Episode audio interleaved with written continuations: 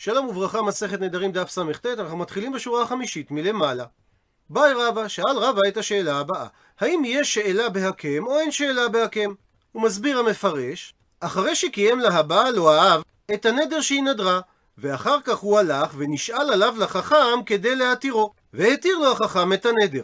האם אנחנו אומרים שכיוון שקיים הבעל או האב את הנדר, אז הוא בעצם רק נתן אישור לנדר שהיא נדרה, ושוב אין נשאלים עליו, ולכן אין משמעות למה שהוא נשאל עליו לחכם.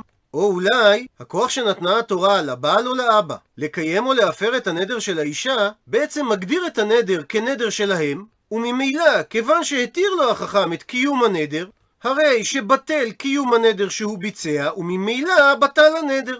הוא ממשיך רבה ושואל, ואם תמצא לומר שאכן יש שאלה בהקם, או במילים אחרות, שהתורה נתנה לו כוח לקיים את הנדר כאילו זה נדר שלו, אז נשאלת השאלה, האם יש שאלה בהפר או אין שאלה בהפר?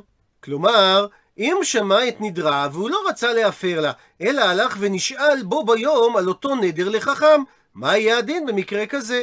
האם אנחנו אומרים שכמו שאם היא הייתה הולכת לחכם ונשאלת לו על הנדר, החכם יכול היה להתיר לה את הנדר, אז כך גם אם נשאל האב או הבעל לחכם על נדר הבת או האישה, יהיה הנדר מותר, שהרי הוא גם יכול להפר את הנדר בצורה אקטיבית.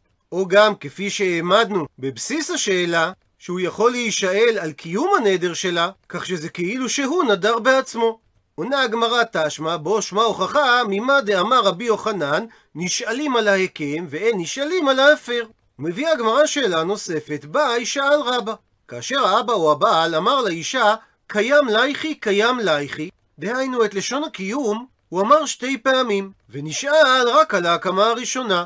מהו הדין במקרה הזה? האם אנחנו אומרים שכיוון שבזמן שהוא הוציא את ההקמה השנייה מפיו, היא לא חלה, היא לא פעלה, שהרי הנדר כבר חל בגלל הקיום הראשון, אז יותר לא יכולה ההקמה השנייה לחול, או אולי הסיבה שבאותו זמן לא חלה ההקמה השנייה זה בגלל שכבר חלה ההקמה הראשונה, כך שלהקמה השנייה לא היה מקום לחול עליו. אבל ברגע שהוא נשאל על ההקמה הראשונה, כביכול התפנה מקום, וההקמה השנייה חלה. ננסה להבין את הדבר על פי הסברו של רבי שמואל בורנשטיין מסוכותשוב, שהיה האדמו"ר השני בחסידות סוכותשוב. חיבר את הספר שם משמואל על התורה ומועדי השנה. הוא היה בנו היחיד של רבי אברהם בורנשטיין, שחיבר את הספרים עגלי טל ואבני נזר, ומייסד חסידות סוכותשוב. הוא גם היה הנכד של הרבי מקוצק. כאביו היה תומך נלהב ביישוב ארץ ישראל, ובמיוחד לאחר הצהרת בלפור. עם זאת, יחסו לתנועה הציונית החילונית היה עוין. ב-1896 ביקר בארץ ישראל במצוות אביו במטרה לרכוש בקרקע להתיישבות, אולם התוכנית לא עלתה בידו בגלל איסור מכירת קרקעות לאזרחי מדינות עוינות שהטיל השלטון העות'מאני באותה עת. וכך שואל השם משמואל על הפסוק, והיו הדברים האלה אשר אנוכי מצווך היום על לבביך, שלכאורה יותר יצדק לשון בלבביך, כמו שכתוב בפיך ובלבבך לעשותו. וכבוד קדושת זקני האדמו"ר הגדול מקוץ כגיד, שצריך שיהיו הדברים מונחים כאבן על הלב, וכאשר יפתח הלב בזמנים מיוחדים, יפלו לתוכו. עד כאן דבריו הקדושים, והפירוש שהלב ברוב הזמנים הוא סגור, והדברים אינם נכנסים לתוך הלב, ומכל מקום אין לאדם לישב אז בטל, אלא יעשה את שלו, ולא ישגיח על מה שמרגיש, שאין הדברים נכנסים לתוך ליבו ואינו מתפעל, אלא יהיו הדברים מונחים כאבן על ליבו מבחוץ, ואינו חושש. ואז, כאשר תבוא העת שהלב נפתח בזמנים המקודשים וכדומה, אז ממילא יפלו הדברים בתוך ליבו. ועונה על כך הגמרא תשמע, בו שמע הוכחה ממה דאמר רבא, בדף י"ח, ששם מתייחס רבא לגבי אדם שחזר על אותה שבועה פעמיים ואמר, שבועה שלא אוכל, שבועה שלא אוכל. שאם הוא נשאל על השבועה הראשונה, השבועה השנייה חלה עליו. וכך גם אצלנו, אם הוא נשאל על ההקמה הראשונה, הרי היא בטלה, וההקמה השנייה חלה עליו. ומביאה הגמרא שאלה נוספת, ביי שאל רבא. אם האבא או הבעל אמר לאישה, קיים לייכי ומופר לייכי, ולא תיכול הקמה אלא אם כן חלה הפרה. מהו הדין במקרה הזה? הוא מסביר הר"ן, שלרבה פשוט במקרה הזה שההקמה לא חלה, שהרי ממה נפשך? אם ההפרה חלה, אז ודאי שההקמה לא חלה. הפכנו דף, ואם אתה אומר שההפרה לא חלה, אז ודאי שגם ההקמה לא חלה, שהרי הוא התנה ואמר שלא תחול ההקמה, אלא אם כן חלה ההפרה. ולכן פשוט שלרבה ודאי ההקמה לא חלה. אבל הוא מסתפק לגבי ההפרה. האם אנחנו אומרים שכיוון שהוא הקדים ואמר קודם את הקיום ואחר כך את ההפרה, אז זה בעצם אומר שהוא התכוון להפר את הנדר, שהרי הוא התנה ואמר לא תחול ההקמה, אלא אם כן תחול הפרה לאחריה. והרי הוא כאילו התנה על שתיהם שיחולו ההקמה בתחילה, בתנאי שאחר כך תחול הפרה. ובגלל שהדבר הזה לא אפשרי, אז יוצא בעצם שגם ההפרה לא חלה. או אולי הסיבה שהוא אמר קודם קיום ואחר כך הפרה, זה רק בגלל שאי אפשר לקרוא עוד שני שמות כאחד. רק ריבונו של עולם יכול להגיד זכור ושמור בדיבור אחד. והוא בעצם הקפיד שההפרה היא זו שתחול, שהרי הוא הדגיש שההקמה לא תחול, אלא אם כן תחול ההפרה לאחר מכן. ודעתו הייתה שיחולו ההפרה והקיום כאחת, וניכר מהתנאי שהוא התנה, שאם חלות ההקמה תעכב את חלות ההפרה, אז לא תחול ההקמה. מה שאין כן, חלות ההפרה, אם היא תעכב את חלות ההקמה, הוא לא התנה על כך, מה שאומר שהוא התכוון שההפרה תחול וההקמה לא תחול. ועונה על כך הגמרא תשמע בו שמע הוכחה מפלוגתא דרבי מאיר ורבי יוסי, שהם נחלקו במסכת תמורה במחלוקת דומה, לגבי אדם שאומר שני דברים סותרים. דתנן, שכך אומרת המשנה במסכת תמורה. אדם שאמר על בהמה, הרי זו תמורת עולה, תמורת שלמים, הרי זו תמורת עולה, דברי רבי מאיר. ורבי יוסי אומר, זה תלוי. אם לכך נתכוון מתחילה, שאכן הבהמה הזאת תהיה גם תמורת עולה וגם תמורת שלמים, אז הואיל ואי אפשר לקרות שני שמות כאחד, דבריו קיימים. הוא מביא הר"ן את דברי הגמרא בתמורה, שהכל מודים באומר תחול זו ואחר כך תחול זו, שלפי הכל אנחנו אומרים תפוס לשון ראשון, שאפילו רבי יוסי מודה שרק התמורה הראשונה תחול, משום שאי אפשר שאחרי שחלה תמורת העולה, תחול על זה תמורת השלמים.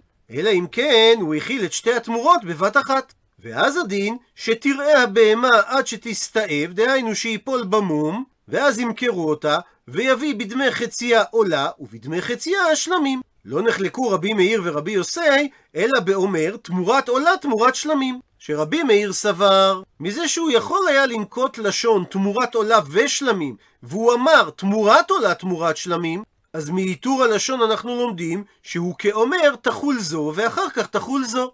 ורבי יוסי לעומת זאת סבר שאפשר שמה שהוא אמר תמורת עולה תמורת שלמים, הוא בעצם התכוון להגיד תמורת עולה ושלמים. רק שהוא סבר שאם הוא לא יאמר לשון של תמורה על כל אחד מסוגי הקורבנות, לא תחול תמורה על שניהם. ולכן אומר רבי יוסי שבודקים אותו. אם הוא אמר לעולה ושלמים נתכוונתי, אז הדין תראה עד שתסתאב ותימכר, ויפלו חצי דמיו לעולה וחצי דמיו לשלמים. זאת אומרת שהמחלוקת של רבי יוסי ורבי מאיר היא במקרה של אדם שהוציא שני שמות מפיו. האם אנחנו אומרים שיחול השני אחר הראשון, או שיחולו שניהם בבת אחת? מפני שאי אפשר לקרוא שתי שמות כאחת. אז לשיטת רבי יוסי, פשוט שניתן להוכיח את שאלתו של רבא, שכאשר הוא אמר קיים לייכי ומופר לייכי, הוא לא התכוון לשני שלבים אחד אחר השני, אלא בבת אחת, ולשיטתו ודאי שההפרה חלה. ושואל הר"ן, איך זה מסתדר עם מה שאומרת הגמרא בהמשך, שכל דבר שלא יכול לחול אחרי דבר אחר, אז גם בבת אחת הוא לא יכול לחול. ועונה על כך הר"ן, שהכלל הזה מתייחס רק כאשר הדבר השני לא יכול לחול בגלל הדבר הראשון. והרי במקרה שלנו, הדבר הראשון שזה ההקמה, לא מעכב את ההפרה, שהרי הוא התנה ואמר, לא תחול ההקמה, אלא אם כן תחול ההפרה. ולכן פשוט שלרבי יוסי, הפרת הנדר אכן חלה. ואומרת הגמרא, ואפילו רבי מאיר, שאמר במסכת תמורה שהולכים אחר הלשון ראשון, לא כאמר את זה, אלא במקרה, דלא אמר לא תכל זו, אלא אם כן חלה זו, אבל הכה, דאמר בצורה מפורשת, לא תיכול ההקמה אלא אם כן חלה ההפרה, במקרה כזה רבי מאיר נמי, גם הוא מודה, דהפרה חלה. הוא מסביר הר"ן, שכיוון שהוא אמר בצורה מפורשת, לא תחול ההקמה אלא אם כן חלה ההפרה, הרי הוא גילה בדעתו שהוא מקפיד שהנדר יופר, והוא לא מקפיד על קיום הנדר. ולכן, כאשר הוא אמר הוא מופר לייכי, הוא ודאי לא התכוון שקודם תחול ההקמה ואחר כך תחול ההפרה. שהרי לאחר הקמה אי אפשר להפר, וכיוון שכך, אז אי אפשר להקמה שתחול. וממשיכה הגמרא, ביי שאל רבא. אם האבא או הבעל אמרו לאישה, קיים ומופר לייכי בבת אחת. מהו הדין במקרה הזה? הוא מסביר הר"ן, שהרי ודאי אי אפשר לשניהם לחול כאחת. שהרי אם אחד מהם קדם לשני, השני ודאי לא חל כלל. אז במקרה שהוא אמר שיחולו שניהם בבת אחת, האם אנחנו צריכים להתייחס לשתי האפשרויות? שייתכן שהקיום חל קודם, וייתכן שההפרה חלה קודם, ולכן קיים הספק, אולי חלה הקמת הנדר, והוא יותר לא יכול להפר אותו. ועונה על כך הגמרא, תשמע, בו שמע הוכחה. ואמר רבא, כל דבר שאינו בזה אחר זה, אפילו בבת אחת, אינו. הוא מסביר הר"ן, שרבא מתייחס במסכת קידושין לעניין אדם שקידש שתי אחיות בבת אחת. שכיוון שהוא לא יכול לקדש אותן בזה אחר זה, שהרי הקידושין של הראשונה סותרים את הקידושים של השנייה, אז אפילו במקרה שהוא קידש אותם בבת אחת, הקידושים לא חלין ואין כאן אפילו ספק קידושין כלל. וכך גם במקרה שלנו, שהוא קיים והפר בבת אחת, אין להסתפק בהקמה ובהפרה כלל. ואף אחת מהפעולות הללו לא חלה, ולכן הוא יכול אחר כך להפר או לקיים את הנדר של האישה כרצונו. עד לכאן דף סט